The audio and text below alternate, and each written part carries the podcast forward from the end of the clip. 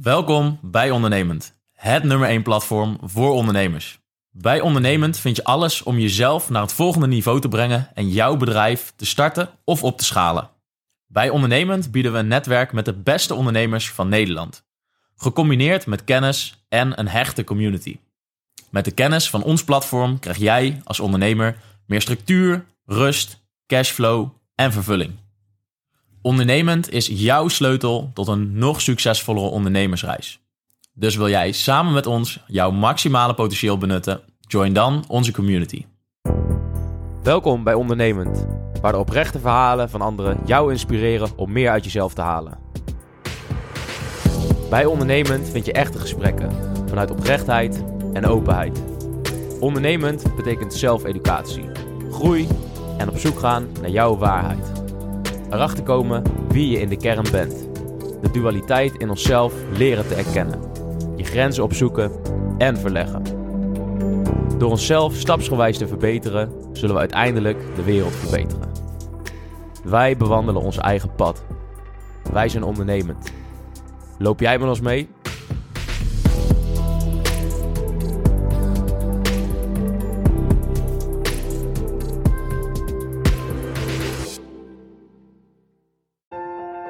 Wat zie je, wat zie ik ook veel bij klanten die bij mij aankloppen.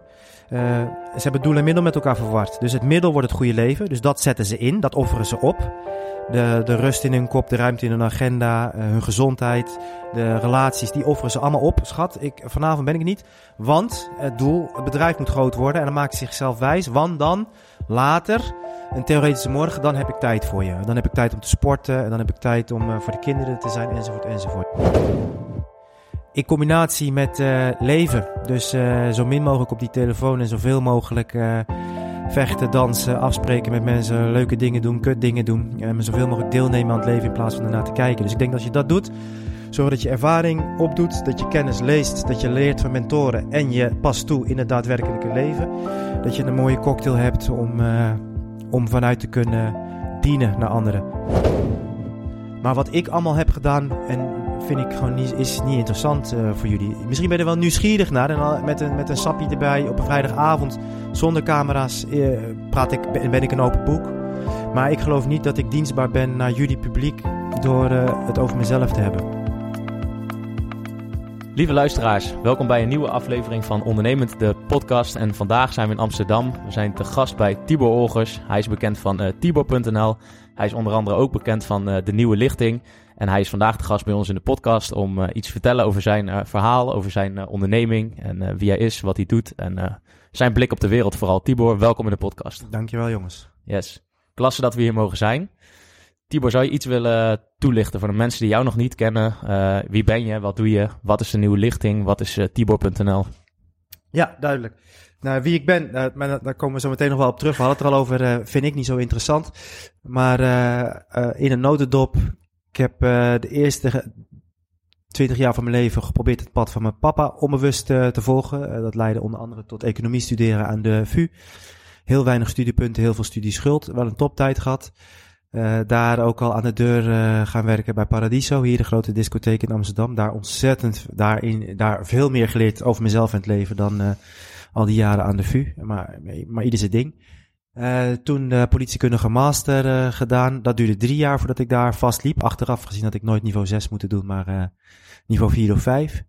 Ehm, toen ehm, de overstap gemaakt naar een speciale politieeenheid. Daar viel voor mij op dat moment in die fase in mijn leven, eh, toen was ik een jaar 25, alles op zijn plek. Dus wel, wel nadenken over strategie en tactiek en vervolgens wel, wel gewoon actie in de taxi. Daar heb ik tien jaar met ontzettend veel plezier gedaan. Vervolgens eigen bedrijf opgericht. dat begon eerst met Tibo.nl. En dat begon met, ik gaf al die tijd ook al les in, in vechtsport. Daar zat een keer een, eh, een gozer bij, die was directeur bij een Rabobank. En die zei, hey, dat stuk over communicatie wat je deed, kan je dat aan ons team lesgeven? Nou, prima, zonder dat vechtsportverhaal erbij. En zo is dat langzaam gaan groeien naar eerst leiderschapstrainingen, waarbij ik ook nog toen geloofde dat dat natuurlijk moest, dat je in bij de grote banken en dat soort bedrijven leiderschapstrainingen moest geven, achteraf gezien. Nou, allemaal goed hoor dat ik dat heb gedaan, maar uh, totaal niet mijn pad. Uh, en langzaam heeft zich dat ontwikkeld tot als je het in een hokje moet trappen, business coaching. Waarbij de boodschap van Tibo.nl wel is van uh, het, het, het bedrijf is een middel. Dus je moet dat middel zo goed mogelijk optimaliseren. Maar doel is een goed leven. Doel is een goed mens proberen te zijn. Een goede man, een goede vrouw te zijn. En een goed leven. Dus niet het maximale uit jezelf of uit je leven willen halen. Dat hele woord maximale, dat westerse. Dat mag eraf. Gewoon goed. Wat is goed? Wat is een goede dag voor je? En laten we mikken op het goede. Uh, en daarvoor kan je bedrijf een prachtig middel zijn. Die kan het heel mooi faciliteren, die goede dag, dat goede, goede leven. Dus dat is wat we doen uh, met Tibo.nl. Daar zit ik nu echt uh, behoorlijk op mijn plek. Maar misschien zit ik nog wel op meer op mijn plek, wat je noemde de nieuwe lichting. Mm -hmm. Waarbij we kids tussen de 17 en de 24 alles leren wat ze eigenlijk op school hadden willen leren. Wat ik zelf ook op school had willen leren. Over de liefde, over relaties, over geld, ondernemen, jezelf. Je hechtingstijlen, je familiesysteem. En ik zie dat ik daar uh, het vermogen wat ik heb opgebouwd met Tibo.nl uh, en de wijsheden die ik zelf heb op, uh, op, opgedaan de afgelopen jaren, dat die daar perfect samenkomen. Dus dat is in een notendop wie ik ben en wat ik doe. In ja. vogelvlucht. Ja. Heel snel inderdaad. Dat, ja, dat is natuurlijk het verhaal wat je ook wel in meerdere podcasts natuurlijk al hebt, hebt verteld van ja. wie je bent en, en wat daar allemaal achter zit. Um, dus op een gegeven moment ben je echt vanuit, uh, ja, vanuit die politiewereld gekomen. En toen ben je dus mensen gaan, ja, uiteindelijk meer gaan coachen. En hoe, hoe is dat zo gekomen? Echt de start van, uh, van Tibor.nl, hoe is dat? Want dat was de eerste echte onderneming, toch? Ja, nou dat is dus vanuit die vechtsport via leiderschapstraining naar uh, coaching gegaan. In het begin deed ik dus CEO's. En nu kan ik dus zeggen dat ik met ontzettend veel plezier werk met directeuren van eigen opgerichte bedrijven in het MKB. Um, de meeste CEO's, uh, uitzonderingen, bevestigen de regel en ze zijn er zat. Maar dat zijn toch ja, gewoon uh, loonslaven. Waar, waar of uh, zeg ik oneerbiedig, zijn mensen in loondienst. Mm -hmm. En daar is helemaal niks mis mee. Maar die, dat is toch anders dan iemand die vanuit nul een eigen bedrijf heeft opgezegd, gezet. Volledig zeggenschap heeft. ook volledig 100% verantwoordelijkheid draagt voor elke beslissing die wordt genomen. Ehm, dus zo is dat ontstaan. Dus je ziet echt vanuit uh, nou ja, politie, vechtsport, leiderschapstraining, coaching aan, aan, aan CEO's naar begeleiding van uh, directeuren en ZZP'ers. Wat ik, uh, wat ik nu doe met ontzettend veel plezier. En uh, denk dat ik nu ook wel de balans heb gevonden die bij mij heel erg past. Dus als ik kijk naar onze jaartrajecten, gericht op echt zeg maar vanaf een kwart miljoen, de serieuzere ondernemers hebben een clubje van een kwart miljoen tot, tot gemiddeld 2, 3 miljoen. En we hebben een clubje vanaf gemiddeld 2 miljoen tot zeg maar in de tientallen miljoenen. Maar die eerste, eerste club, daar is de balans 70% business, 30% uh, jij als mens. En in die tweede club, met nog meer miljoenen, is het nog maar 50%, misschien maar 40% business. En de rest, uh, dat zijn alleen maar mannen. Jij als uh, man. En dat is ook waarvoor ik sta en uh, wat ik prachtig vind om te doen. Dus ik zie ook bij mezelf die ontwikkeling, uh, dat het steeds meer, dat ik steeds meer uh, ben gaan aanbieden dat niet wat, waar de markt om vraagt, maar dat wat ik vind. Ja. Mm -hmm. Dus toch wel uh, focus ook op, op het individu in die zin van het verbeteren van de persoon, waardoor het bedrijf ook uiteindelijk verbetert. Dat is waar je nu met mensen, met mensen aan werkt. Ja, en misschien is het semantiek, maar het wordt individu ja. en mens zijn voor mij twee verschillende dingen. Dus ik zet echt in op menselijkheid.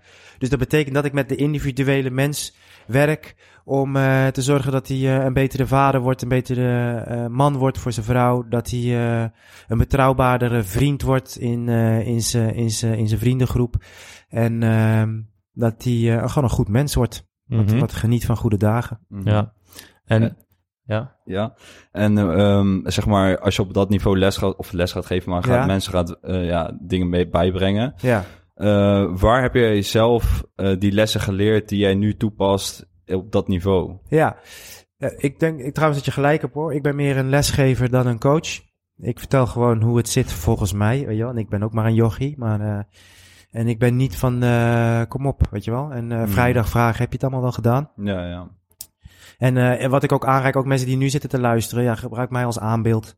En hou jezelf in zoverre tegen mij aan uh, om jezelf te vormen zoals jij dat wil. Dus neem alsjeblieft niet mijn manier van denken of uh, mijn visie over. luister ernaar, hou jezelf er tegenaan en vorm vooral je eigen kompas.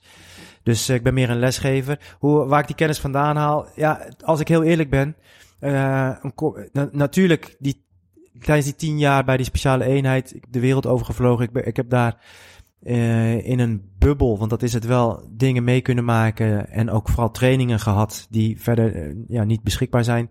En daar dus dingen geleerd En een manier van werken. Ik heb met zoveel uh, speciale eenheden, vooral defensie-eenheden, waar ik zoveel respect voor heb, wat die toch wel anders weer werken dan politie-eenheden. Zoveel van kunnen leren qua mindset, qua werkwijze, qua communicatiewijze. Dus dat, daar, daar put ik uit. Dus dat is ook een van de drie pijlers van Tibo.nl. De, de, de strategieën van, uh, en, en structuur vooral van speciale eenheden.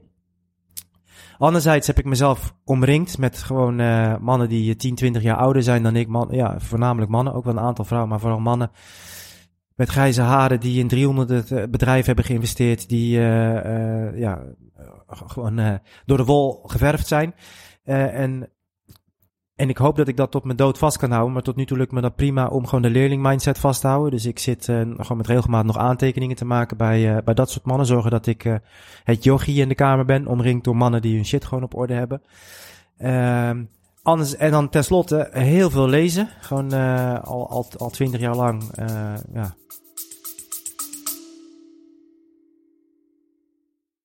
Welkom bij Ondernemend. Het nummer 1 platform voor ondernemers.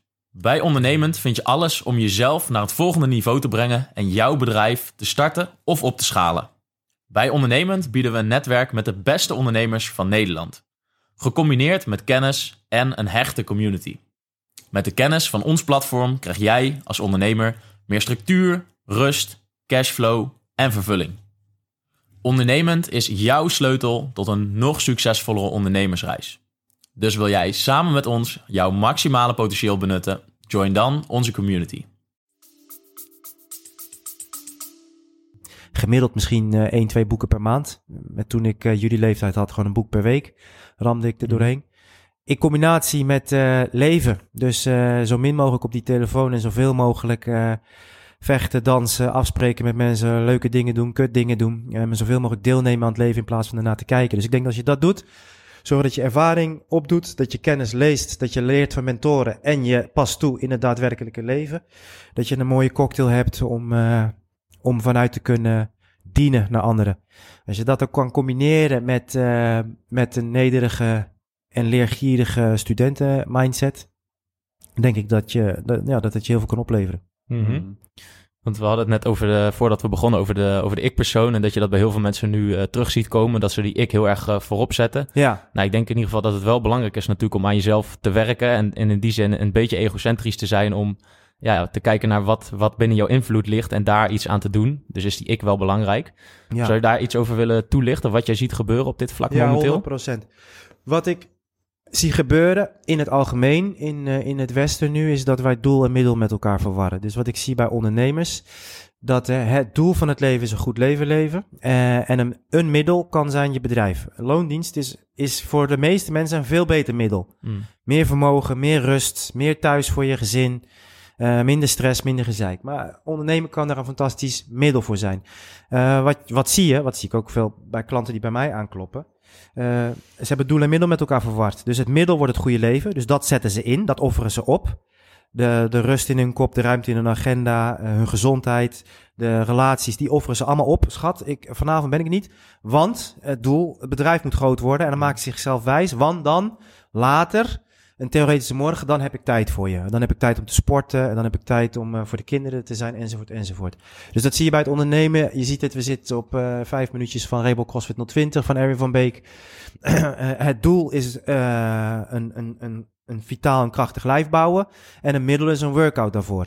Uh, daar zie je lui, ook vanochtend zie ik weer lui, doel en middel met elkaar verwarren. Dus er moet zoveel mogelijk gewicht aan die stang. Ze moeten kosten wat kost als de snelste tijd op het bord zetten. Ook als dat betekent niet alle reps maken of halve reps maken.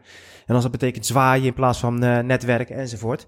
Wat de workout wordt opeens het doel. Dus het, dus het werkelijke doel, een uh, gezond sterk lijf, dat uh, bereik je niet. Hetzelfde zie je met ik. Ik is het middel, wij is het doel. Als ik focus alleen maar eenzijdig op ik, dan zijn per definitie wij verloren met z'n allen. Um, het, je moet precies wat jij zegt. Je moet uh, sterk life bouwen, sterke mindset bouwen. Je moet jezelf leren kennen. Je moet, jij moet leren hoe je, hoe je gehecht bent, wat je familiesysteem is, hoe sociale interacties werken met anderen. Dat moet jij allemaal leren, zodat, met maar één doel, zodat ik kan bijdragen aan het grotere geheel, aan de, aan de, aan de gemeenschap. Zodat ik een betere relatie met mijn meisje, met mijn kinderen, met mijn vrienden kan opbouwen. Wij, weet je, dat, is, dat is wat ons mens maakt. En uh, Dus dat is wat er in grote lijnen misgaat en wat je dan specifiek nu ziet gebeuren. Dus je zag zeg maar zo'n jaar of zeven geleden, zag je een gigantische stortvloed aan vrouwelijke business coaching. En toen ging het heel erg over, uh, nou, geloof in jezelf, maak een vision board en dan komt het goed met je bedrijf. Dat was, en daar moest je heel veel geld voor betalen, omdat zeg maar... Uh, en nu zie ik een, uh, nieuwe stroming onzincoaches opstaan. En die zijn de hele dag persoonlijke verhalen over zichzelf aan het vertellen. omdat ze hebben gelezen ergens, of een Amerikaanse cursus hebben geleerd dat dat verbindt. Mm. Ehm, maar als je dus dan naar hun posts gaat kijken, dan is het er één grote, nou, doel en middel dus met elkaar uh, verward. Het is één groot ik-verhaal. Jouw klant kan het geen reet schelen. En ik snap dat mensen die mij al een tijdje volgen, en dat zijn, als je gaat kijken hoeveel mensen dat zeg maar procentueel gezien zijn, is dat natuurlijk helemaal niemand. Maar stel dat mensen die mij een tijdje volgen dan ook op een gegeven moment gewoon nieuwsgierig worden. Ja, maar wie is dan die mens uh, Tibor? Ik snap de nieuwsgierigheid. Maar voor mij zit daar helemaal geen, uh, lever ik daarmee helemaal geen waarde mm. mee om daarover te gaan, uh, gaan vertellen. Dus wat ik nu zie, nogmaals, is een stroming coaches die uh, al hun successen, al hun, nou ja, het is een beetje het standaard heroes journey verhaal, continu zitten te, te vertellen. Ja. Uh, ja, ik vind dat gewoon interessant. Ja. Maar denk je dan niet juist, doordat je misschien soms ook kwetsbaarheden toont. Of dat je juist een verhaal vertelt vanuit hoe het voor jou is geweest, waar jij lessen uit hebt geleerd, dat mensen meer kunnen verbinden met jou. Ja. Bijvoorbeeld soms als ik naar jou kijk, ja. dan zie ik hele harde, harde lessen voorbij komen. En hele interessante lessen. Ja. Maar soms blijven ze een beetje hangen op een bepaald niveau dat ik, ik begrijp wat je zegt. En ik vind het heel mooi wat je zegt. Maar ik kan het net niet koppelen aan hoe, hoe het voor mij dan zou bijvoorbeeld zou kunnen zijn, omdat ik niet bijvoorbeeld het persoonlijke verhaal erachter hoor. Of dat mm. ik net niet. Ik mis net een beetje de verbinding om het ook echt voor mij te laten stromen en ook te voelen van oké, ja, zo heeft het bij hem gewerkt of zo is het voor hem gegaan. Ja, dus... wat ik wel, kijk, wat ik wel doe, uh, en als je, stel je zit in een van onze trajecten, ik vertel wel verhalen hoe het heeft gewerkt mm -hmm. bij mijn klanten. Mm. Dus die verhalen, en nogmaals, ja, eh, dat zal je niet zo snel uit een, uit een post, zal ik ook niet snel uit respect voor mijn klanten uh, zonder toestemming in een podcast delen. Dus ik ben helemaal voor, het gaat gewoon, ehm, Joseph Campbell, A Hero of Thousand Faces, Donald Miller heeft daarna het boek Storybrand op basis daarvan geschreven. Gewoon het besef, je bent slechts een gids, ik ben ook maar een gids. En jullie zijn voor mij de helden. Twee jonge gasten die deze podcast aan het opzetten zijn, die aan het dienen zijn, die een, een, jong publiek uh, uh, dienen, een ondernemend publiek, een zoekend publiek. Jullie zijn voor mij de helden en ik ben hier alleen maar om, om jullie te dienen. Ik zie mijzelf als gids en jullie zijn de helden. Als nou iedereen zeg maar die mindset zou hebben, mm. ik ben een gids en degene tegenover me is een held. En dat moet je, dat is niet alleen maar iets van, oh ja, dat besluit ik. Nee, ik, je moet echt het werk doen om de ander als held te zien. Hè? Dus ik moet jullie kunnen zien en wat jullie voor werk doen. En dan kan ik echt voelen, maar wat een helden. Wat, wat goed dat ze dit doen. En uh, wat een tegenslagen ze zullen ze ook te verwerken hebben. Wauw, weet je wel. Kan ik ze, kan ik ze helpen? Kan ik ze dienen? Mm. Dus dat is zeg maar een basismindset. En ik zie best wel veel mensen die geloven inderdaad. Ik moet laten zien dat ik een held ben, zodat ik een autoriteit kan zijn. Zodat mensen mij vertrouwen. Ik denk dat het... En ik, en ik snap hem. Ik snap de valkuil. Maar je, je wil niet je bent niet op zoek naar een held. Je bent op zoek naar een gids. Elk van ons is de held in ons eigen verhaal. We zijn op zoek naar een uh, gids. Dus wat jij zegt, hoor ik helemaal. En ik vind het hartstikke prima. Uh, Andrew Tate, Tisha Boy J, uh, wat een goede vriend van me is. Tibor.nl. Tibor dus je hebt Tisha Boy J, je hebt Jay Francis. En Jay gaat nu door een hele mooie uh, periode, transitie heen. Van Tisha Boy J naar Jay Francis. Alles wat je van mij, wat je nu hoort is Tibor.nl. Ja. Wat je nu hoort is Tibor.nl. Alles wat ik nu zeg is echt. Alleen ik kies natuurlijk heel zorgvuldig welk echte stuk van mezelf ik op YouTube, op Instagram enzovoort deel. Jay precies hetzelfde, Andrew Tate precies hetzelfde. Mhm. Ehm, ja, dus ik denk dat dat wel een, een compleet antwoord is. Ik hoor wat je zegt en dat voor mijn klanten los ik dat op door verhalen te vertellen van mijn klanten. Dus mm een van de zinnen van een van mijn mentoren, Erwin van Beek, is: Don't show them what you can do, show them what they can do. Dus ik wil jullie laten zien wat jullie zouden kunnen. En ik wil aan jullie laten zien wat zij kunnen. Uh, die op precies dezelfde plek zaten waar jullie nu zitten. En die nu tien stappen verder zijn. Mm. Maar wat ik allemaal heb gedaan, en vind ik gewoon niet, is niet interessant uh, voor jullie. Misschien ben je er wel nieuwsgierig naar. En met een, met een sappie erbij op een vrijdagavond, zonder camera's, uh, praat ik, ben, ben, ik een open boek. Ja. Maar ik geloof niet dat ik dienstbaar ben naar jullie publiek door uh, het over mezelf te hebben. Mm Ja. Dus je vindt dat niet, ja, je vindt dat eigenlijk gewoon niet, niet belangrijk om uh, hele... Totaal irrelevant. Als je, Ja, en, en, en, en, en sterker nog... Ja, ik weet niet hoe diep... Nu ga ik misschien te veel ratelen hoor. Maar we zijn van God los hè, in, het, in het Westen. Mm. Eh, we zijn van, al een tijdje van God los. De gemeenschap is sinds de mobiele telefoon uit elkaar aan het vallen. Dus, dat je, hè, dus je hebt nou OneFit, vanochtend ook weer. Dus er komen mensen binnen, hebben geen idee wie Erwin is. Hebben geen idee waar de toiletten zijn, want die komen met hun OneFit pas binnen. Die wordt gewoon gescand en die, Mm. die met een koptelefoon op en die doet mee met de les en die lopen weer naar buiten. Dus ook gemeenschap, je lokale voetbalclub, je lokale gym, gewoon weten wie de conciërge is, weten wat, wanneer die jarig is, af en toe helpen met schoonmaken. Dat is ook weg. We hebben alles is swap, swipe en, eh, en eh, QR-code. Eh, gezin is ook eh, gewoon aan ontmantelen als we naar, eh, naar, de, naar de cijfers kijken. Nou, gender wordt nu in rap tempo gepusht om dat ook te, te ontmantelen. Dus je ziet dat alles wat ons, eh, alles wat ons bindt, dat is al uit elkaar aan het vallen. En eh, ja, nog meer een eenzijde. En omdat wij van God los zijn vooral, er zit in ons gewoon een goddelijk verlangen om te verbinden. In ieder geval op zijn minst met iets groters dan wij zelf. Weet je, ik ben hier niet om mensen naar, naar God te brengen. Maar in Gods naam geloof in ieder geval dat jij niet het grootste bent wat er bestaat. En in steeds meer werelden van eh, mensen is ik het grootste dat er bestaat. Is gewoon het grootste dat er bestaat. En wat je dan krijgt, Jung heeft daar veel over geschreven. En, en eh, Robert Moore, een van zijn studenten. Grandiositeit. Dus gaan geloven, zelfs op onbewust niveau allemaal hoor. Maar dat jij goddelijk bent. Ja. Ook ik ben zo anders, ik ben zo speciaal. Eh, eh, en dat is, dat is zo fucking giftig. Als we, en als je dan dus een groep coaches krijgt en spiritueel leraren die vanuit grandiositeit, vanuit ik, eh, gaan lesgeven. God, en dan in een land waarin dus al dat gendergeneuzel wordt gepusht, waarin tegen vrouwen wordt gezegd, eh, trap er een, een chemische hormoon onderdrukkende pil in, trap er een tampon in en ga carrière maken. Mm. Waarin tegen mannen wordt gezegd, vreet deze sojaboon, want testosteron is niet goed voor je. En weet je wel, masculiniteit is toxisch. God bestaat niet. Eh nou ja, one fit, swap fiets, Tinder. Eh, dan helpt dat allemaal niet. Nee. Want je noemt nu heel, heel veel dingen die in het eh, maatschappelijk vlak spelen en Ja. ook op politiek eh, vlak. Ja, Hoe kijk je daar momenteel tegenaan? Is dat, eh, ja, kijk je pessimistisch naar de toekomst of heb je, een heb je ja hoop? dus dat zeg ik altijd wel. Daarom omring ik me met mensen zoals Isaac Kriens, met Tisha Boy J. ja. Hele positieve mensen. Ik weet van mezelf dat ik een donker blik heb. En Mhm. ik eh, zoek elke dag naar het licht. En ik vind het ook elke dag tot nu toe.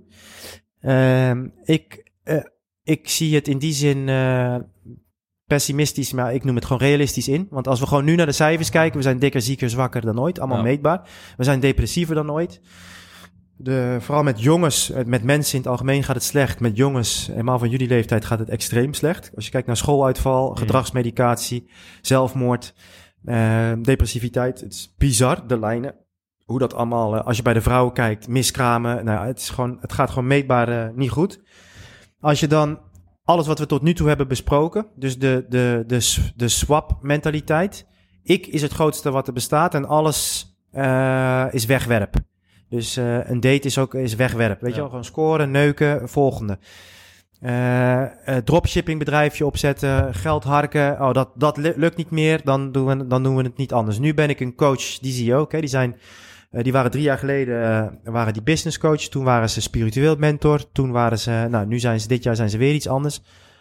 Nou, al dat wegwerpen, al dat vluchtige, al dat aan de oppervlakte, steeds sneller. Plus een focus op ik. Nou ja, we verliezen, we verliezen onze menselijkheid. Dus dat Mhm. is hoe ik ernaar kijk. Wat dan het positieve is, is dat ik zie, dat zag je ook tijdens de pandemie, dat eh, je ontsnapt niet aan het Pareto-principe, de 80-20-regel. Dus Ja. 80% van de mensen beheerst hun mobiele telefoon niet. Dus die wordt beheerst door een mobiele telefoon. 80% is niet weerbaar tegen de tentakels van het systeem. Dus die, die zit met zijn jong jochje met zijn vape eh, naar de porno te kijken en, eh, en te scrollen richting, richting voldoening.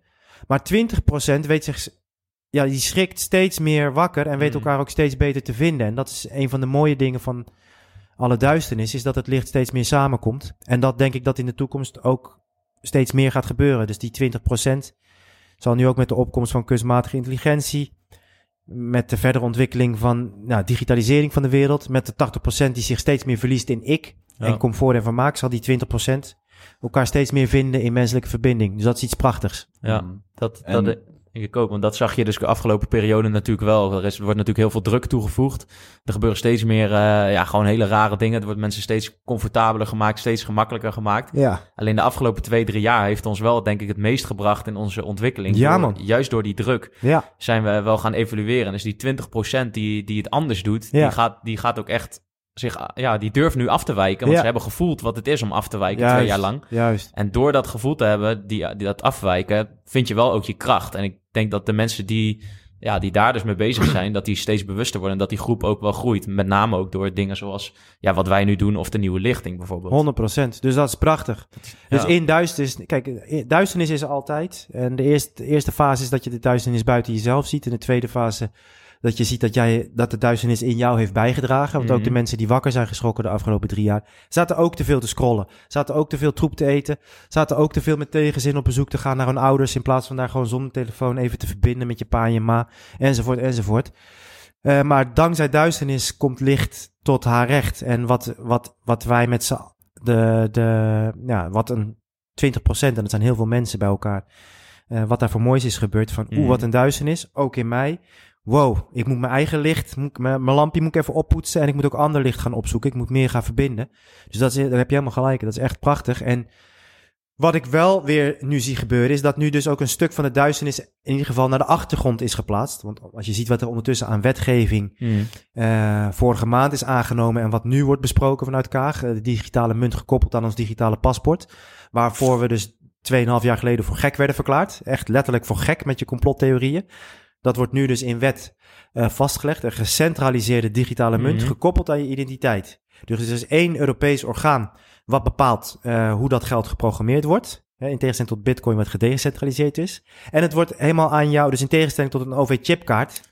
Een anonieme OV-chipkaart, daar kan je geld op zetten en eh, niemand weet waar je naartoe reist of wat je daarmee doet. Hmm. Weet zo meteen dat ene Europese orgaan elke euro die je uitgeeft, ze kunnen hem programmeren zoals ze hem willen, waar je hem wel of niet aan uit mag geven. Ja man, in, eh, in dat soort tijden is het, eh, is het eh, belangrijk dat we... Nou, sorry, wat ik wilde zeggen is dat de, de druk is er nu af, want we mogen weer Mhm. naar de gym en naar de bioscoop en uit eten. En wat je tegelijkertijd ziet, is dat ook bij die 20% een groep mensen weer achterover gaat leunen.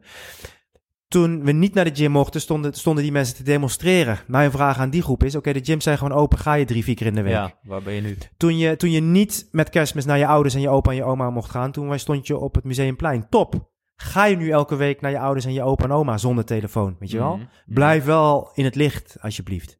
Ja. Ja. Dus lever je nu ook echt het werk en gebruik je nu de ruimte Ja. die er is om, eh, om, om eigenlijk gewoon keihard te beuken. Je om- was er toen het moest, weet Ja. je wel? Dank daarvoor, weet je wel, met z'n allen. Mhm. Maar nu het mag en nu het kan, ben je er dan ook? Of ben je dan weer toch stiekem te veel eh, naar schermpjes aan het kijken in plaats van eh, deel te nemen aan je leven? Ja. En eh, kijk, het is natuurlijk best wel lastig, want een hele hoop van ons zullen wel, wel bewust zijn van dit soort dingen. Maar er zijn ook een hele hoop mensen die er niet bewust van zijn. Ja. En je ziet eigenlijk wel, dat zullen denk ik de meeste van ons wel hebben ervaren tijdens gewoon de hele maatregelencrisis. Ja, Dat je, dat je dat juist is een erg- goede, een goede benaming, ja. De Ja. maatregelencrisis. Een crisis van maatregelen, Ja. dat was het eigenlijk. Ja, zeker. Ja. Daar komt het wel op neer. ja. Ja. Maar dat je eigenlijk heel vaak ook in botsing komt met mensen waar je wel heel dierbaar voor bent. Ja, En maar die, die er heel anders in staan. ja. En ja, wat, wat is jouw antwoord daarop? Hoe zou je dat het beste aan kunnen pakken? Dat je wel in verbinding blijft met die mensen, maar dat je wel ook ja, je eigen waarde hoog houdt en ook wel durft te zeggen wat je wil zeggen. Nou, nou eh, ik denk dat dat onmogelijk is als je nu de vraag stelt. Eh, dus mijn antwoord zou zijn: kies voor de verbinding. Alles kan, alles heeft een prijs. Het leven is een ruilhandel. Eh, Ja. eh, je moet gewoon goede deals sluiten. Maar alles heeft een prijs. En eh, als jij de ander gaat proberen te overtuigen, dan over het algemeen heeft dat de, als prijs de relatie. Als we het hebben over dierbaren, lijkt mij dat geen goede deal. Dan zou ik, dan weet ik, nou, als ik naar mijn mama ga, die al 40 jaar lang het NOS-journaal kijkt. En, en, en in het begin is mij dit niet gelukt hoor, nu wel. Eh, maar snap je? Eh, Mhm. Dan ga ik gewoon lekker met mijn mama kletsen. En dan ga ik met haar verbinden en dan luister ik naar haar. Dan vraag ik haar advies over andere dingen. Ja. Maar wat ik niet ga doen is haar overtuigen van eh, de WEF-agenda die wordt uitgerold. Want dat gaat ten koste van de relatie met mijn moeder en dat vind ik geen goede deal. En hey, ieder moet zijn eigen deal sluiten. Dus bijvoorbeeld, laat ik dan één concreet voorbeeld nemen om, om dit, bo- deze boodschap van alles kan, alles heeft een prijs. Voor mij was het tussen aanhalingstekens makkelijk, want het was echt wel een duistere periode voor mij. Om te zeggen, ja, ik neem die, de, de tyfus met je spuitjes en, eh, je, en je QR-code. Mhm. Ik doe niet mee. ik doe niet meer mee. Maar eh, eh, ik weiger om een mondkap te dragen. Ik weiger om ergens een, een QR-code te laten zien. En ik weiger om te laten injecteren. Is, dat was voor mij in die zin makkelijk. Ehm, heb jij twee basisschoolgaande kinderen? Mm. Is de deal voor die persoon al heel anders? Dan kan je wel zeggen, ja, ik weiger. Nou, eh, dat heeft nogal consequenties voor je kinderen. Die worden gepest. Je kan ze niet meer ophalen. Nou, enzovoort, enzovoort, enzovoort, weet je wel. Als je wil dat je kinderen geen mondkap in die periode op school eh, dragen, nou, eh, dan worden je kinderen gewoon gruwelijk gepest. Is ook gebeurd, hè, bij die, bij die kinderen. Dan is het dus misschien wel een betere deal om te zeggen, oké, we dragen wel die mondkap. En Mhm. eh, maar we, we werken wel met de QR, eh, QR-code. Dus alles kan, alles heeft een prijs. En het is voor jezelf. Ken jezelf. Bekijk goed, wat is de prijs? Alles, hè, ook in, de, in je relaties. Blijven heeft een prijs. Weggaan heeft een prijs. Ja, Ja. kijk, wat is de beste deal? En eh, dat is het, de kunst van het leven. Goede deal sluiten. Ja. En ja, want daar zit natuurlijk ook heel erg in. In het begin ben je natuurlijk heel hard aan het vechten. Is het meteen, voel je je ook aangevallen door het Ja. systeem. Ja, En op een gegeven moment heb jij ook echt die switch gemaakt van vechten naar dansen. ja.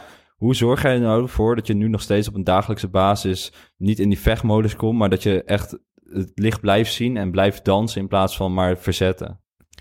Wat een prachtige vraag. Sowieso geloof ik wel dat, zeg maar, eh, als, ik het, als het leven een Excel-bestand zou zijn, dat je tot je dertigste helemaal als jongen gewoon lekker moet knokken. Eh, knokken om te bouwen. Mm. eh, bouwen aan jezelf. Wie ben ik nou eigenlijk? Knokken aan, om, om een sterk lijf te bouwen, om vermogen te bouwen, om een netwerk te bouwen, om zelfvertrouwen te bouwen. En pas vanaf je dertigste, maar eigenlijk 35, 40, de switch te maken, zeg maar, naar dansend door het leven eh, gaan. Eh, want het danst een stuk lekkerder als je vitaliteit, vermogen, vertrouwen en verbinding hebt opgebouwd.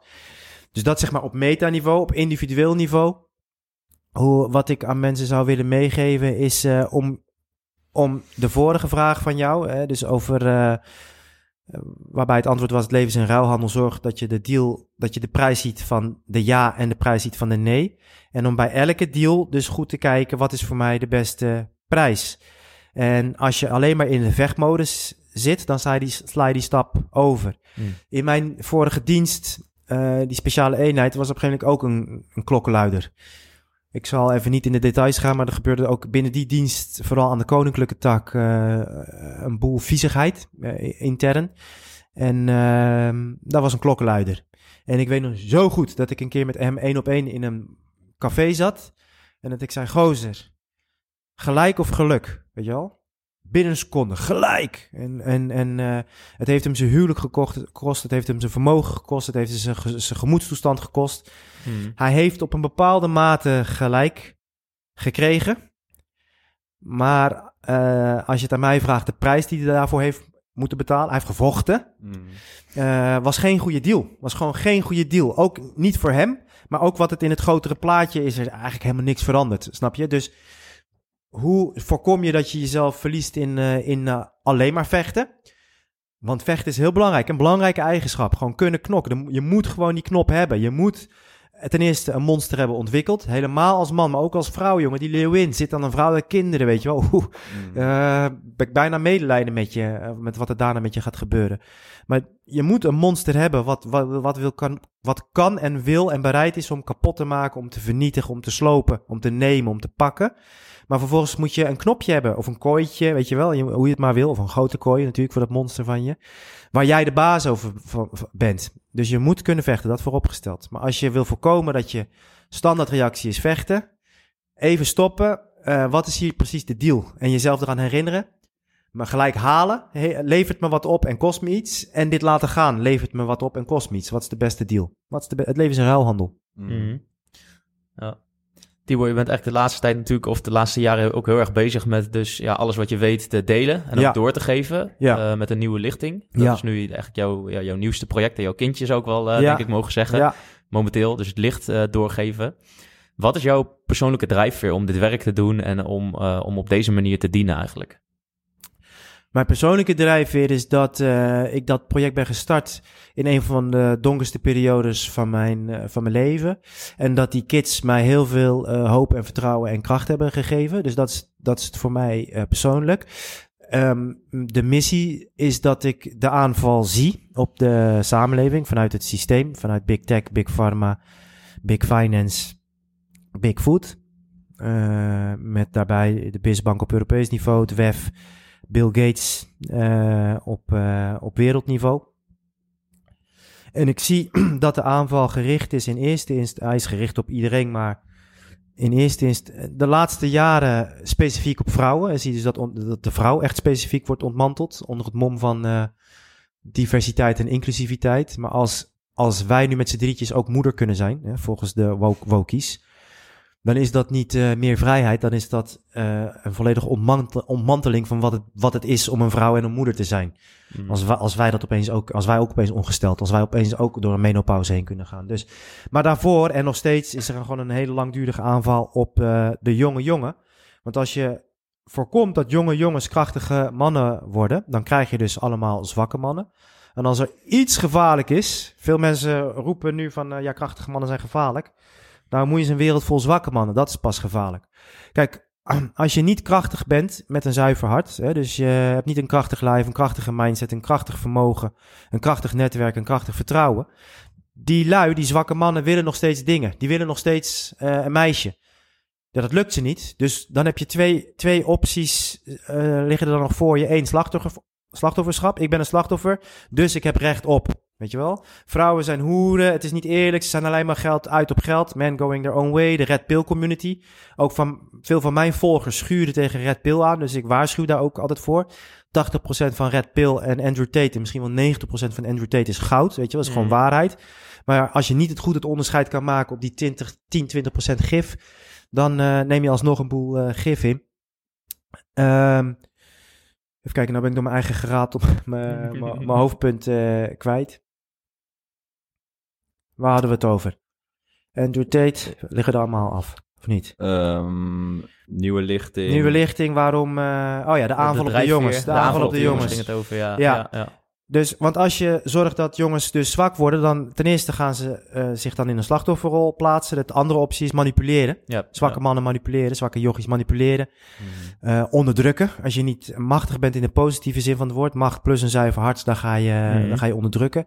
En het laatste wat je wil, en dat hebben we bijvoorbeeld kunnen zien aan de, aan de bijvoorbeeld bepaalde BOA's tijdens de pandemie. Ja. Als zwakke mensen in een machtspositie krijgt. Nou, als je, als je kutzooi wil, moet je zwakke mensen macht geven. Mhm. Als je zorgt dat, als je voorkomt dat jongens zich ontwikkelen tot krachtige, zuivere mannen, eh, dan worden het eh, zwakke, manipuleren, manipulerende slachtoffertjes. Wie zijn daar vervolgens de dupe van? De vrouwen. Mhm. Nou ja, eh, gender wordt ontmanteld, gezin wordt ontmanteld. Dus je krijgt steeds meer ontkoppelde individuutjes die steeds zwakker zijn. Dus als je een samenleving wil pakken, dan begint dat in principe bij de mannen. Zorg dat die zwak worden, dan krijg je zwakke relaties. Je krijgt verharde vrouwen die hun magie verliezen. Eh, daardoor vallen gezinnen weer uit elkaar, nou, enzovoort, eh, enzovoort, enzovoort. Ja. Dus ja, wat is het stukje van de puzzel wat ik probeer, eh, waar ik probeer te dienen? Is om die jonge generatie eh, te versterken. Om eh, de jongens eh, te ontwikkelen tot, eh, tot krachtige mannen met zuivere intenties.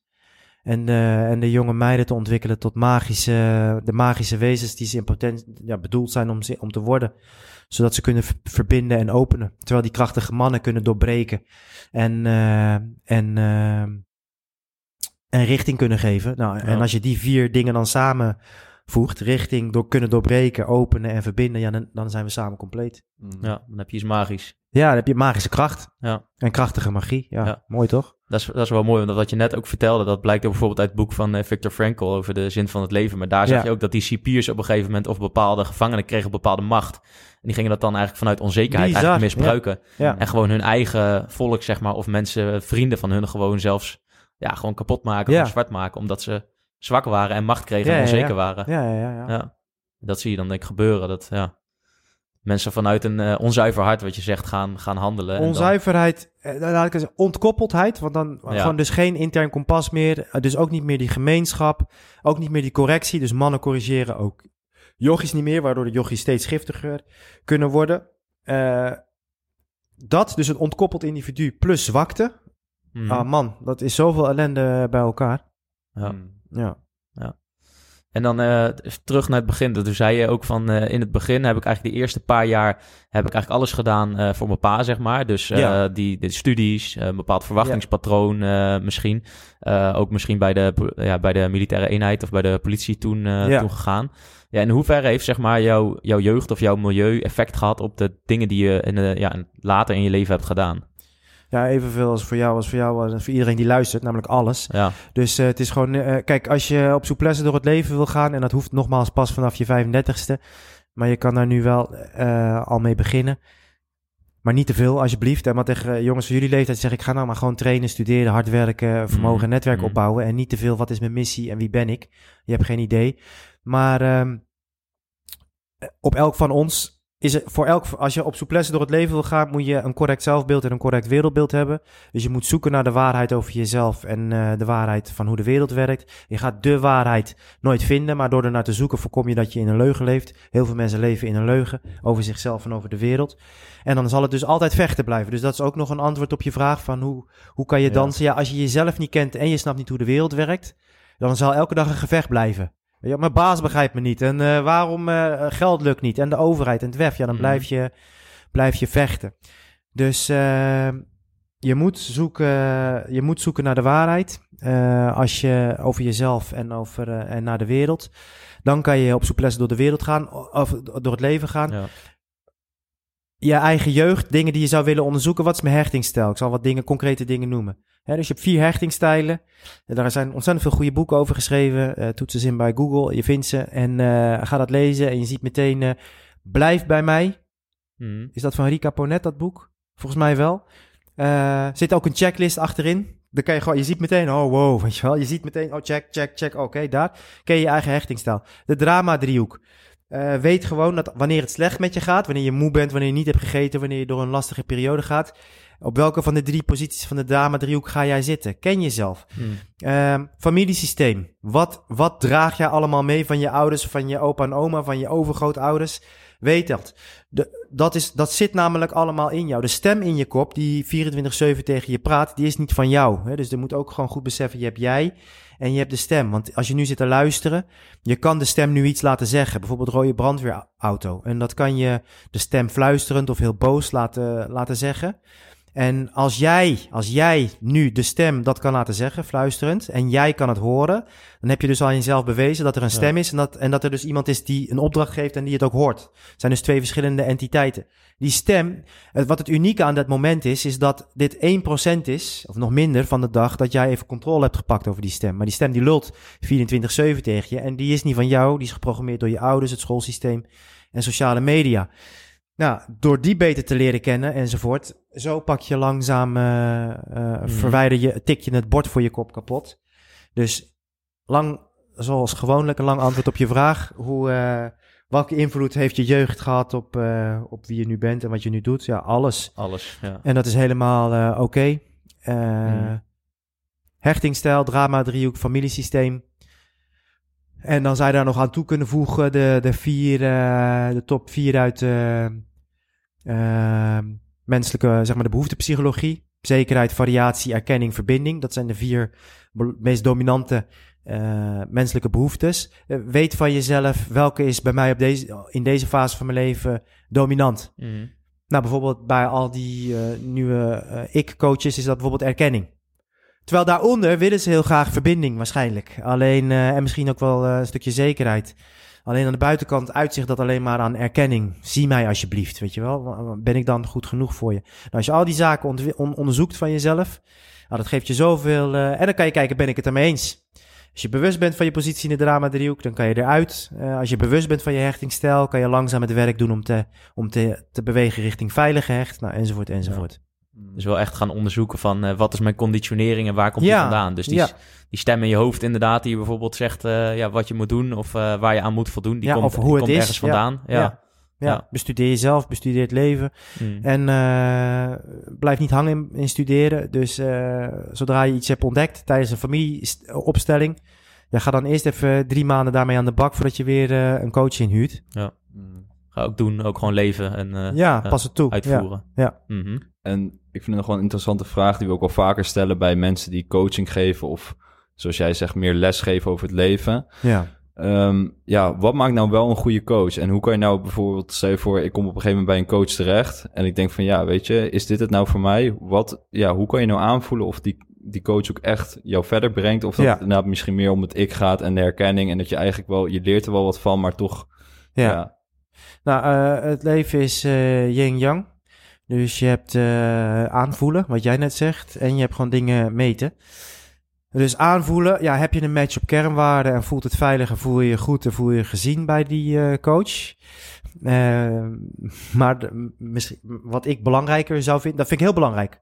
Maar wat ik nog belangrijker vind, is hoeveel vijf sterren heeft die coach. Niet van fanboys en fangirls en van groepies, maar van serieuze, whatever. Dus is, is het een business coach? Hoeveel serieuze eh, grote bedrijven hebben een vijf sterren recensie over die coach geschreven? En hoeveel bedrijven heeft die coach geïnvesteerd met eigen geld? En is dat een succes geworden? Hoeveel bedrijven heeft die coach zelf op dit moment gehad, verkocht? Gewoon meetbare criteria. Mag ik eh tien klanten van je opbellen? Mag ik eh, naar een dag komen waar ik weet dat je klanten zijn? En mag ik gewoon met hun kletsen en vragen hoeveel ze hebben betaald, wat het ze heeft opgeleverd? Als de goede coach zegt hij, be my guest. Want dan word jij daarna 100% klant. Want dan ga je horen wat het ze heeft eh, opgeleverd. Dus eh, dat is het. Dus zeker weten, intern kompas voelen. Voel ik, hoe voel ik me bij deze eh, gast, bij deze vrouw? Eh, maar anderzijds echt naar het track record kijken van een, van een coach. Ja. ja, zeker. Zou je daar nog iets over willen vertellen? Want het blijft natuurlijk altijd zo dat, eh, als ik het even heb over dit wereldje, om het dan Ja. af te kaderen, dat er altijd weer mensen of bedrijven uit het niets opduiken, die dan Ja. weer, eh, weet ik veel, een of andere, eh, nou ja, geweldige cursus hebben of een heel duur, een heel duur iets aanbieden om mensen ergens mee te helpen. En wat dan toch na een jaar of twee jaar ja, gebakken lucht blijft te zijn. Hoe, hoe kan dat dat dat toch, toch maar telkens weer blijft terugkomen? Nou ja, dat is, kijk, en dat is ook gewoon vraag en aanbod. Hè? Dus het is ook een beetje de mensen die daar intrappen. Ja, dat is, ik hoop dat je er dan van leert, zeg maar. Want eh, ja, hoeveel heb je dan dus je huiswerk, eh, huiswerk gedaan? En heb je eerlijk eh, naar jezelf ook gekeken hoe dit voelde? En heb je Mhm. track record goed, eh, goed bekeken? Dus dat, dat is het ene deel van het antwoord. Ja, vraag en aanbod. Er zal altijd, ik bedoel, bij de, de McDonald's doet verschrikkelijk goede zaken, Ja. snap je? Dus er is gewoon altijd markt voor fast food. Whatever, eh, je, waar je die metafoor ook, fast food fitness, fast food business coaching, weet je wel? Er is altijd vraag naar. Nou, prima. Ehm nou ja, ik denk dat dat het hele antwoord is. Wij werken met een niet goed geld teruggarantie zonder voorwaarden op al onze dienstverlening. Dus mensen, eh, onze jaartrajecten, eh, nou voor, voor ZZP's is 6k, maar voor eh, de serieuze ondernemers 20, 24k. Gewoon fucking veel geld. Ja. Nou, als je een jaar hebt meegedraaid, het is, dat was kut, weet je wel. krijg je al je geld terug. En nog een, een cadeaubon voor het verdoen van je tijd. Dat kunnen wij doen omdat we weten wat we leveren. Ehm, de, de business coaches, praat ik over mezelf, maar ook de business coaches die ik zelf, waardoor ik mezelf laat coachen en eh, mentoren. Eh, maar ook ikzelf, ja, ik investeer ook met eigen geld in bedrijven. En ook in bedrijven die ik, die ik coach, zeg maar. Dus ik heb skin in the game. Als dat kut gaat met dat bedrijf, ben ik, me, ben ik mijn geld kwijt. Dus ik denk dat de vraag vooral ligt bij de coachie, of degene die dus op zoek is naar een coach. Ja, doe je fucking huiswerk. Kijk gewoon, eh, kijk gewoon goed. Maak ook afspraken. Eh, Oké, we gaan een business coachingstraject in. Ik ga zoveel geld naar je overmaken. Als ik doe wat jij zegt en de resultaten blijven uit, eh, wat gaan we dan doen? Ja, Ja. eh, En als een coach zeker is van zijn zaak, eh, moet, daar een goed, moet daar een goed antwoord uitkomen. Ja, zeker. En je had het ook over de, over de hero's journey net. Ja. Dat dat iets is wat ook wel vaak, nu heel vaak belicht wordt. Ja, Eh, en dat je ook zei van, oké, als je het leven op een Excel zou zetten, dan zou ik tot je 30ste, 35ste zou ik echt gewoon eh, beuken en werken aan, ja. eh, vooral jongens. Ja, ja, aan vermogen, Ja. met name. ja, maar toch zie je ook heel vaak, wat je ook zegt, dat, het, dat mensen dan toch wel weer kiezen voor misschien snel geld of een businessmodel wat alleen maar geënt is op omzet. ja. Hoe voorkom je dat je in die jonge levensfase zeg maar iets gaat doen wat puur vanuit ego is? Kijk, je hoeft niet per se meteen je missie of je, ja, je, je zielsbestemming te weten, ja, maar je wil wel iets, iets bouwen. ja. Hoe zorg je dan dat je aan iets gaat bouwen wat ook duurzaam is? Ja, Nou, mijn eerste reactie is van, eh, ja, niet. Doe maar gewoon op ego. Mhm. En doe maar snel geld. En ervaar maar de leegte die dat eh, opbrengt, oplevert. Dus dat is mijn eerste reactie. Maar om dan antwoord, wel antwoord te geven op je vraag, hoe kan je het voorkomen? Dus mijn, mijn echte antwoord is, je hoeft het niet te voorkomen. Ja. Werk maar gewoon hard. En eh, ga er maar gewoon voor. Wat ik dan wel daarbij zou doen, ook bijvoorbeeld jullie, weet je wel. Heb gewoon één keer in de week, even los wat jullie zakelijk allemaal doen. Maar ga één keer in de week met elkaar lunchen. En dan gewoon, en dan echt eerlijk delen. hey, eh, ik heb de laatste tijd twijfel ik hier veel, heel veel over. Wat vind jij er eigenlijk van? Ik zit nou deze cursus te lanceren, zeg nou eens even eerlijk. Eh, ben ik nou vanuit ego snel geld? Letterlijk de vraag die je... eh, Omring je met mensen waarbij je dat soort dingen Mhm. eerlijk met elkaar bespreekt. Zodat je elkaar zuiver kan eh, houden. Hè? We kennen allemaal dat en het is gewoon waar. En iedereen heeft het. Hè? Je bent het gemiddelde van de vijf mensen waar je het meest hangt. Hang jij met mensen die vreemd gaan, ga jij ook vreemd. Hang je met mensen die aan de kook gaan, ga jij ook aan de kook. Hang je met mensen die... alles is geld en winnen en status. Dan wordt geld winnen en status wordt, jij, wordt jouw ding. Ga je met mensen om die geld genieten van geld, genieten van mooie klokjes en mooie auto's, maar vooral God, eh, de gemeenschap dienen, monogaam zijn aan je meisje, haar laten stralen, die dat belangrijk vinden, dan ga jij die man worden, snap je? Dus ja, misschien is dat wel het belangrijkste antwoord op je vraag. Omring je met de juiste mensen, want dat doet dus niemand meer. Je zit alleen maar aan een schermpje. Ja. En eh, ik denk door dat te doen en door gewoon zelf de tijd te nemen, door te wandelen, door te schrijven, door te journalen.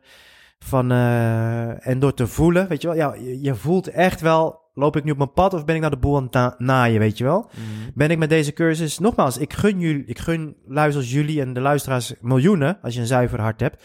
Want ik weet, ja, je gaat ervan genieten. Misschien koop je er een dikke bak van, maar je gaat er ook zulke vette dingen mee bouwen, weet je wel. Stel jullie bezakelijk miljoenen, wat, wat voor events zouden jullie kunnen organiseren? Welke mensen zouden jullie samen kunnen brengen? Wauw, weet je wel, wat voor nieuw licht zou dat, eh, zou dat brengen? Mhm. Maar als je dat maar koppelt aan momenten van reflectie, van eh, ja, loop ik op mijn pad? En je, je, ook iedereen die nu luistert, je voelt direct, loop ik nu op mijn pad? Ben ik een misstap aan het begaan?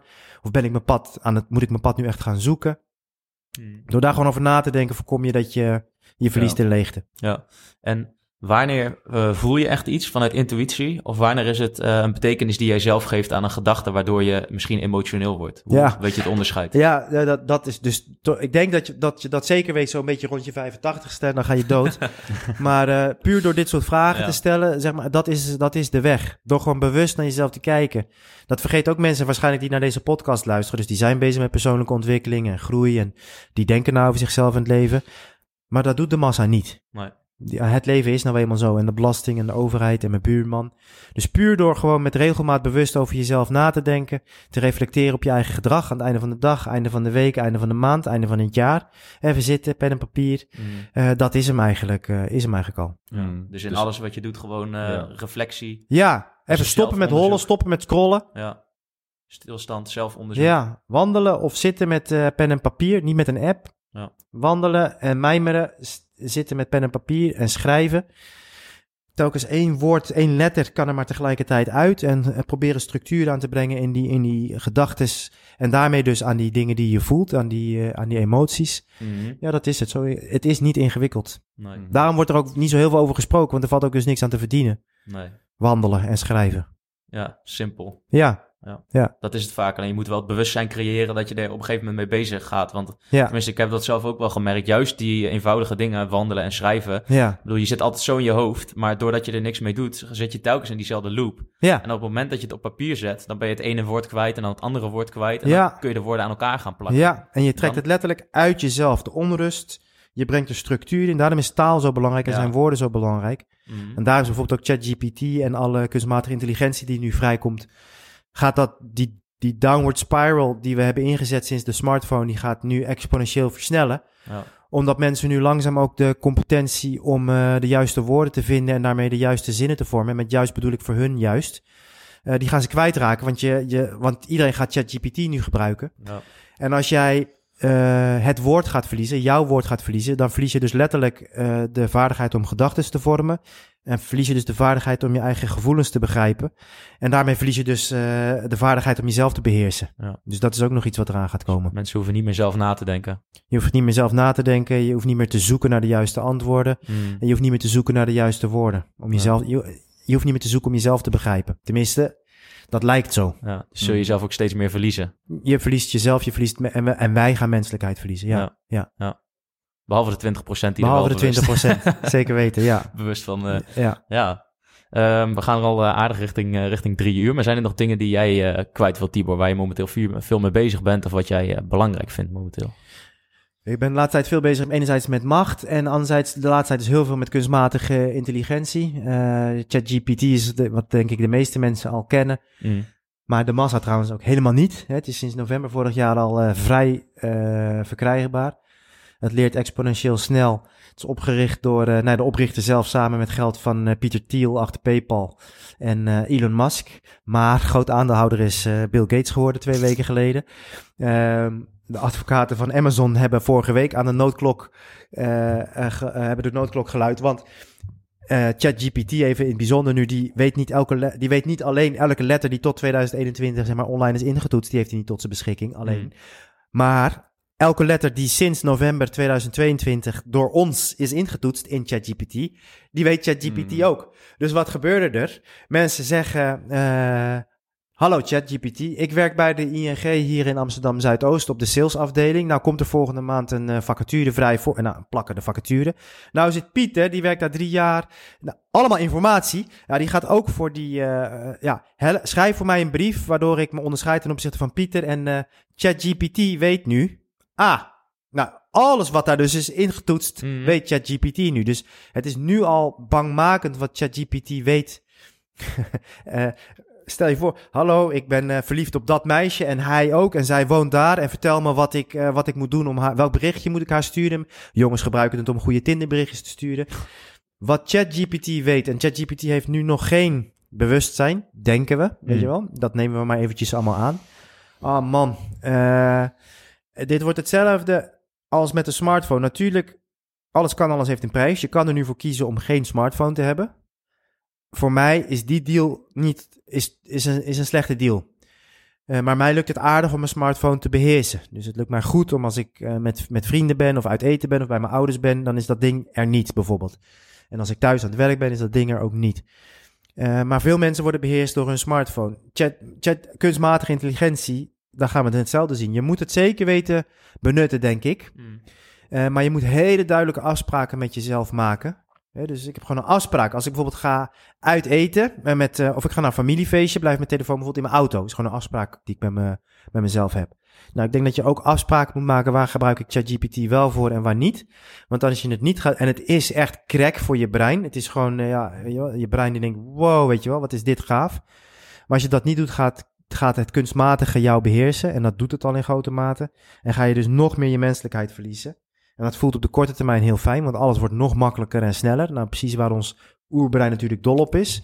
Maar je ziel, die raak je daardoor kwijt. Ja. En wat is nu precies het belangrijkste? Want we zien heel veel verschuivingen, eh, ChatGDP, allemaal eh, zeg maar ook bedreigingen voor, voor, voor wij als eh, mensen, maar ook kansen. Eh, ook de digitale valuta's, de digitale euro. Wat is nu eigenlijk het belangrijkste wat je zou kunnen doen als, eh, als, als persoon, als individu, om daarvan te, zeg maar, te profiteren of in ieder geval daar sterker uit te komen of voorbereid te zijn? Heel kort aan, mens, inzet op menselijke verbinding. En dat begint met ik als Ja. middel. En het doel is wij. Dus dat betekent, eh, als je nog onder de 30 bent, hard trainen, goed vreten, goed ontspannen, vitaal worden. Eh, wat komen brengen bij, andere, bij de juiste mensen, zodat je een netwerk opbouwt. In het begin is het een netwerk, dan wordt het, eh, wordt het gemeenschap en dan wordt het misschien wel zelfs God. Ehm, zorgen dat je hard werkt, het karakter ontwikkelt dat minder geld uitgeeft dan dat er, eh, dat er binnenkomt, waardoor je langzaam maar zeker vermogen opbouwt. Dat je vermogen opbouwt, ook blijven lezen aan je mindset, blijven werken, want dat is ook of iets binnen je vermogen is of niet. En tenslotte eh, het, het werk doen, hechtingstijlen, drama, driehoek, zodat je steeds jezelf beter leert kennen en dat brengt vertrouwen. Vitaliteit, verbindingen, vermogen en vertrouwen. Eh, dat is ik, dus dat Ja. ben jij. Zodat eh, je, en dan nodig je in vast ritme, nodig, ga je bij je pa en ma ga je langs. En ga je daar eten en ga je kletsen. Je nodigt in vast ritme, organiseer je, zorg dat er zo'n tafel, dat, er, dat je lui hebt. Dan ga je met z'n allen barbecue, je gaat koken. Alle telefoons weg. En je gaat eh, vreten met elkaar. Je kijkt elkaar aan en je raakt elkaar aan en je praat met elkaar. En dat is gewoon het hoogst haalbare wat er bestaat.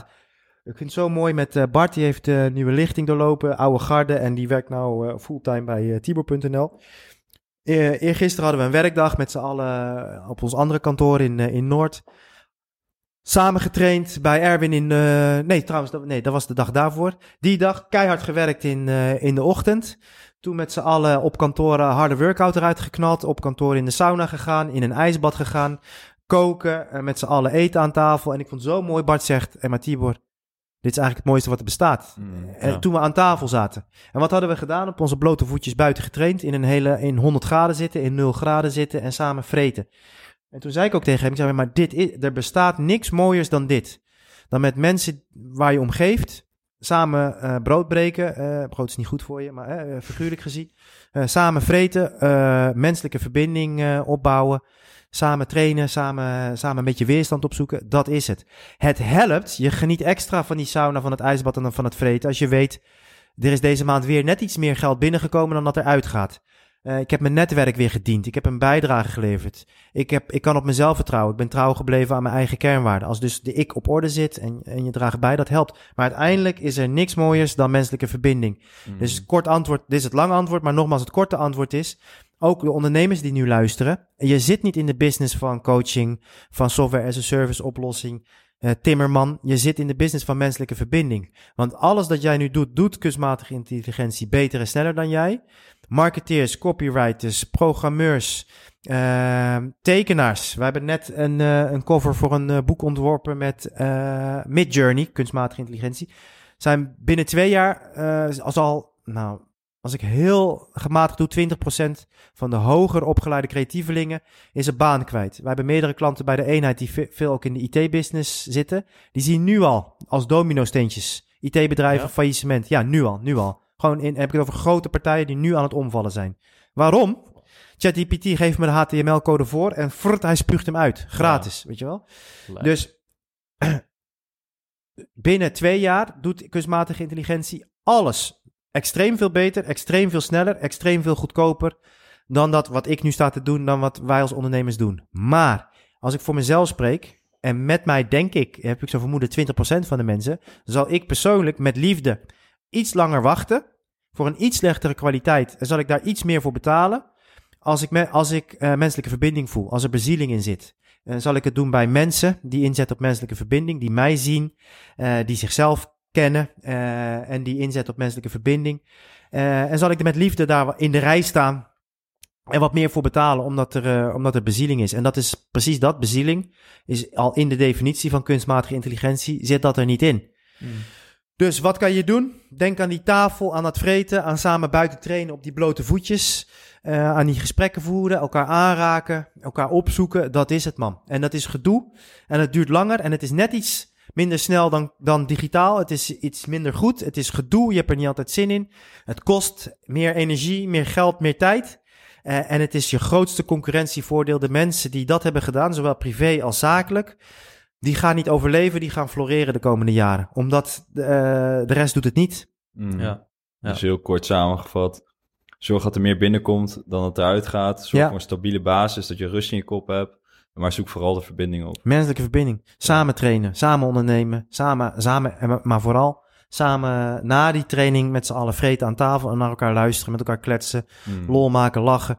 eh, elkaars, eh, en weet je, als je dat doet met een groepje van, van, nou, ik zeg maar wat, tien, dan is er altijd iemand met wie het slecht gaat. En dan staat er gewoon negen paks omheen om, om diegene te dragen. Ja, En dat weet jij ook, weet je wel. Nou, daar kan, Mm. geen, daar kan geen robot tegenop, Nee, tegen dat gevoel. dat ja. geeft ze enorme kracht. ja, dus dat is wat je te doen hebt. Mhm. Inzet op menselijke verbinding. Mhm. Ene laatste vraag, denk ik, voordat we gaan naar onze allerlaatste vraag die we altijd stellen. Eh, als je nou tussen de 20 en de 30 bent en je begint een beetje geld te verdienen en eh, je, gaat, je kan ook meer eh, overhouden dan dat je uitgeeft. Ja. Wat zou de asset alloca- allocation zijn die jij aan zou raden? Tuurlijk is er geen one size fits all, Nee. maar grof, grofweg. Maar daar heb ik twee antwoorden op. Mijn eerste antwoord is: luister niet naar mij en naar wie dan ook. Mhm. Want iedereen die roept dat hij expert is. En niemand heeft alle grote dingen die tot nu toe zijn gebeurd. Met bijvoorbeeld meest recentelijk, nou de, de energieprijzen, de Bitcoin crash. eh, ieder, alle goeroes, maar de grootste goeroes. Wat was het ergens vorig jaar van, nou, we gaan naar de 100k, alle goeroes, Mm. weet je wel. Ehm, dus dat is mijn allereerste advies. Luister naar eh, niemand. D- doe je eigen fucking huiswerk en weet, iedereen doet maar wat, ook de experts. en ook al doe ik al mijn huiswerk, uiteindelijk doe ik ook maar wat. Mhm. Dus dat is mijn eerste antwoord. En mijn tweede antwoord is eh, spreiding. Ja. We weten gewoon wat de afgelopen 100 jaar de betrouwbare bezittingen zijn. Goud, stenen, indexfondsen. Eh, dan heb je nu ook eh, crypto erbij. Ja. Spreid. Dus, eh, en je hebt cash ook, ook al is er een eh, gigantische inflatie. Juist eh, in een periode van, eh, van eh, een aankomende crash kan cash ook heel interessant zijn. Mhm. Maar één, luister niet naar mij. En twee, wat ik zeg is spreiden. ja. Maar ja, twee is ook meteen het antwoord op één. Omdat Ja. wat jij eigenlijk aangeeft is niemand weet het zeker. Dus Ja. spreid ook gewoon je vermogen. En pas op voor mensen die zeggen, ik weet het, je moet Ja. dit doen. Ja. Mm, Nou, ik denk dat het een hele mooie, mooie boodschap is. Zeker. Dan hebben we nog één afsluitende vraag. Eh, wat we altijd stellen aan het eind van de podcast is... eh, als er één ding is die je nu zou meegeven... kunnen meegeven aan onze luisteraars of jouw volgers... eh één ding van alles wat je hebt geleerd in de afgelopen jaren... wat zou dat dan zijn? Dan dan vat ik toch samen wat we hebben besproken. Dus regel je eigen shit. Dat is een vier eenheid. Je vitaliteit, je verbindingen, je vermogen en je vertrouwen. Die vier. Doe gewoon het fucking werk. Eh, je vitaliteit, hard trainen, weerstand opzoeken, hard ontspannen, ontkoppelen, weg van die telefoon, goed slapen, nou, eh, goed vreten. Eh, verbindingen, het draait niet om jou, het draait om ons. Draag bij, doe, doe het gedoe van menselijke verbinding. Accepteer dat, want dat gaat jou de dingen opleveren die al die moeite waard zijn. Vermogen. leer competentie, competentie en karakter. Bouw vermogen op. Dus word gewoon competent. Doe gewoon veel dingen. Studeer hard. Werk hard. Ehm, en eh, ontwikkel het karakter langzaam maar zeker door jezelf gewoon te bestuderen. En dat is meteen het brugje naar het laatste. Vertrouwen ontstaat. Iets wat je niet kent, kan je ook niet vertrouwen. Dus leer gewoon, eh, pak de komende tien jaar om jezelf gewoon lekker te leren kennen. Door veel te leven, maar ook af en toe tegenover een goede therapeut eh, te gaan zitten. En de dingen te doen waar, die we hebben besproken. Hechtingstijden, drama, driehoek, familieopstelling enzovoort. Ehm, dus regel je fucking shit. En, van, en vanuit, vanuit dat eh, menselijke verbinding. Mm, Al het andere is binnen twee jaar gewoon overbodig. Dus eh, ga langs je papa en je mama. Heel die relatie. Spreek af met je vrienden. Eh, doe, eh, doe moeite om menselijke verbindingen te bouwen. ja. Verbinding en eenheid staat eigenlijk centraal. Ja, man. Ja. Mm, mooi. Heel mooi. Ja, daar hebben wij weinig aan toe te voegen, denk ik. eh, dus dat gaan we ook zeker niet doen. Dan eh, willen we bedanken, Tibor, voor je tijd. Dat we hier mochten komen, voor je, voor je openheid en het mooie gesprek. Eh, wij zijn sowieso super dankbaar dat we hier eh, mochten komen. Dat je ons de kans geeft om, om jou even een uurtje te interviewen. En nou, ik hoop dat onze luisteraars er ook veel aan hebben. Dat denk ik ook zeker. Ik hoop het. En nou ja, we vinden het in ieder geval super tof wat je doet. En dat je ook echt een baken bent voor heel veel mensen. Die ook dus wel licht verspreidt. En die met zijn boodschap heel veel mensen helpt. Ook wel uit de put helpt. Dus wij danken je daar in ieder geval voor. Voor het werk wat je verzet. Voor ons en voor iedereen. En eh, bedankt voor het mooie gesprek. Dank jongens, dank. Bedankt. En de luisteraar, eh, bedankt voor het luisteren. En eh, hopelijk zien we jou weer terug in de volgende aflevering. Tot de volgende keer.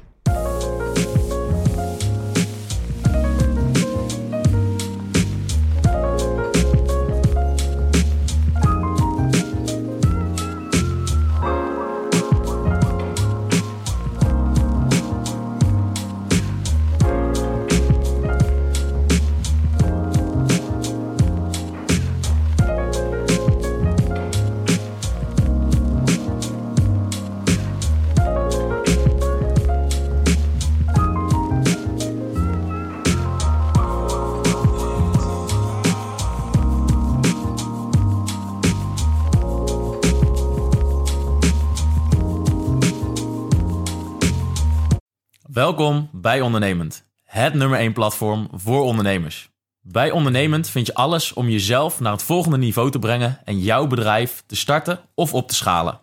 Bij Ondernemend bieden we een netwerk met de beste ondernemers van Nederland. Gecombineerd met kennis en een hechte community. Met de kennis van ons platform krijg jij als ondernemer meer structuur, rust, cashflow en vervulling. Ondernemend is jouw sleutel tot een nog succesvollere ondernemersreis. Dus wil jij samen met ons jouw maximale potentieel benutten? Join dan onze community.